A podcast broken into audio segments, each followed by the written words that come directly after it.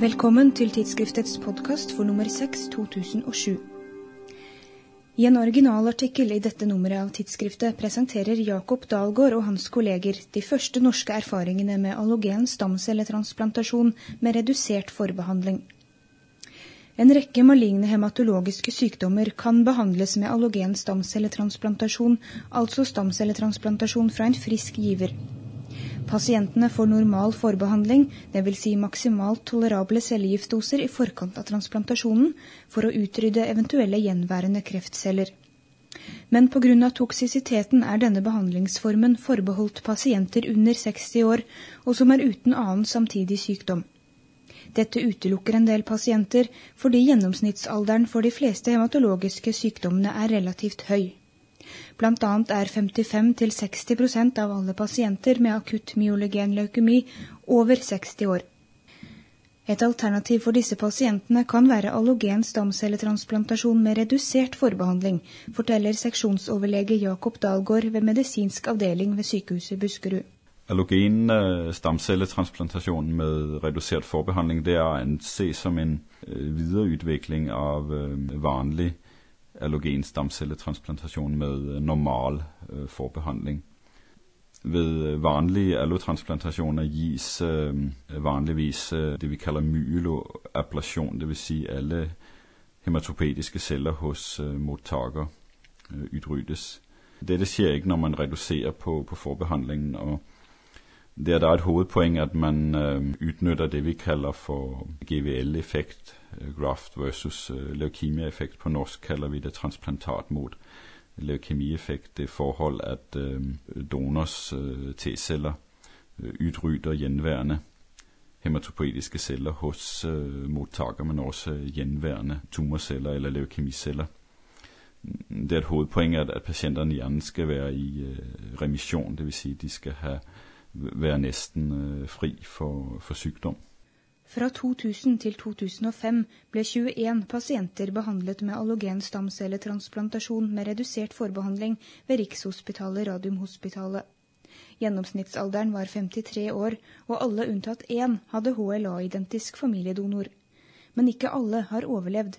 Syv pasienter døde så langt, to av prosedyrerelaterte komplikasjoner, fem pga. Øh, progresjon. En del har fått både akutt og øh, kronisk transplantat mot øh, vertssykdom. Toksisiteten var, var, relativt lav. Få pasienter trengte øh, transfusjoner og antibiotika. Dahlgaard og kollegene konkluderer med at dette er en gjennomførbar behandlingsmetode med en akseptabel prosedyrerelatert mortalitet. I dette materialet er mortaliteten på rundt 10% mens den internasjonalt ligger på 10-20 Behandlingen vil kunne være et alternativ for pasienter mellom 55 og 70 år, men også for yngre pasienter som har en tilleggssykdom som gjør at de ikke kan få vanlig stamcelletransplantasjon med normal forbehandling. Den største utfordringen ligger ikke i selve behandlingen, men i komplikasjonene i etterkant. Og Da tenker jeg spesielt på øh, transplantat mot øh, vertssykdom. Dette er ikke et uh, helt ubetydelig problem. Det vil ofte være nødvendig å øh, øke immunsuppressionen, og uh, der oppstår der problemer med CMV-reaktivering og soppinfeksjoner. I, I noen tilfeller um, kan det også være, være, problemer med å oppnå det vi kaller full donorkimerisme, dvs. Si at alle hematopetiske celler er, er donorderiverte. Det kan da være nødvendig å, at redusere på øh, immunsuppressionen, eventuelt å gi øh, det vi kaller donor-lymfocyt-infusioner. Øh, det er jo en pasientgruppe som, som krever nøye oppfølging både ved øh, transplantasjonssenteret og ved lokalsykehus med, med ukentlige kontroller. Hvordan går det med disse pasientene på lang sikt i forhold til de som ikke får slik behandling? Det vet vi ikke nok om per i dag det er jo et faktum at, at der mangler ordentlig ordentlige øh, randomiserte studier innenfor for de fleste øh, sykdomskategorier. De, de begynner å, å, å komme. Det som er sikkert, er at behandlingen er ressurskrevende. Transplantasjonssenteret er avhengig av hjelp fra andre avdelinger, bl.a. ved lokalsykehusene, og dermed legges det beslag på en god del ressurser. En kostnadsberegning Dalgaard og kollegene har gjort, viser at behandlingen koster rundt 600 000 kroner ved bruk av HLA-identisk søskendonor. Ved bruk av HLA-identisk ubeslektet donor koster den ytterligere 200 000-400 000 kroner. Så hvem har rett på behandling, og hvem har ikke? Og på hvilket grunnlag tar man en slik avgjørelse? Det, det vet vi ikke nok om per i dag. Det er viktig å, å understreke at, at, det her det fortsatt er å betrakte som uh, utprøvende behandling.